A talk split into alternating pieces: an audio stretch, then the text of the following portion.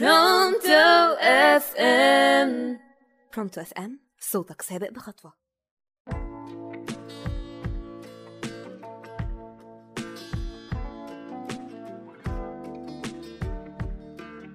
مساء الخير أعزائي المستمعين.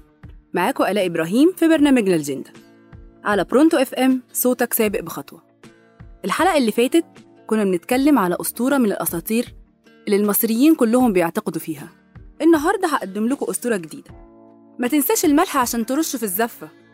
الجملة دي أكيد سمعناها قبل كده. رش الملح من الخرافات اللي ما زالت قائمة لحد دلوقتي. في ناس بتعتقد إن رش الملح في أرجان البيت بيبعد الشياطين ويمنع الحسد. والخرافة دي بدأت منذ العصور الوسطى. كان الملح سلعة استهلاكية وكان تمنها غالي وكانت بتستخدم للعلاج.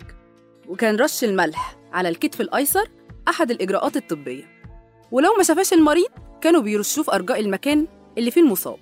معتقدين إنهم لما بيرشوا بيرشوا في عين الأرواح الشريرة اللي تسببت بالمرض. ومن هنا بدأ الناس يرشوا الملح.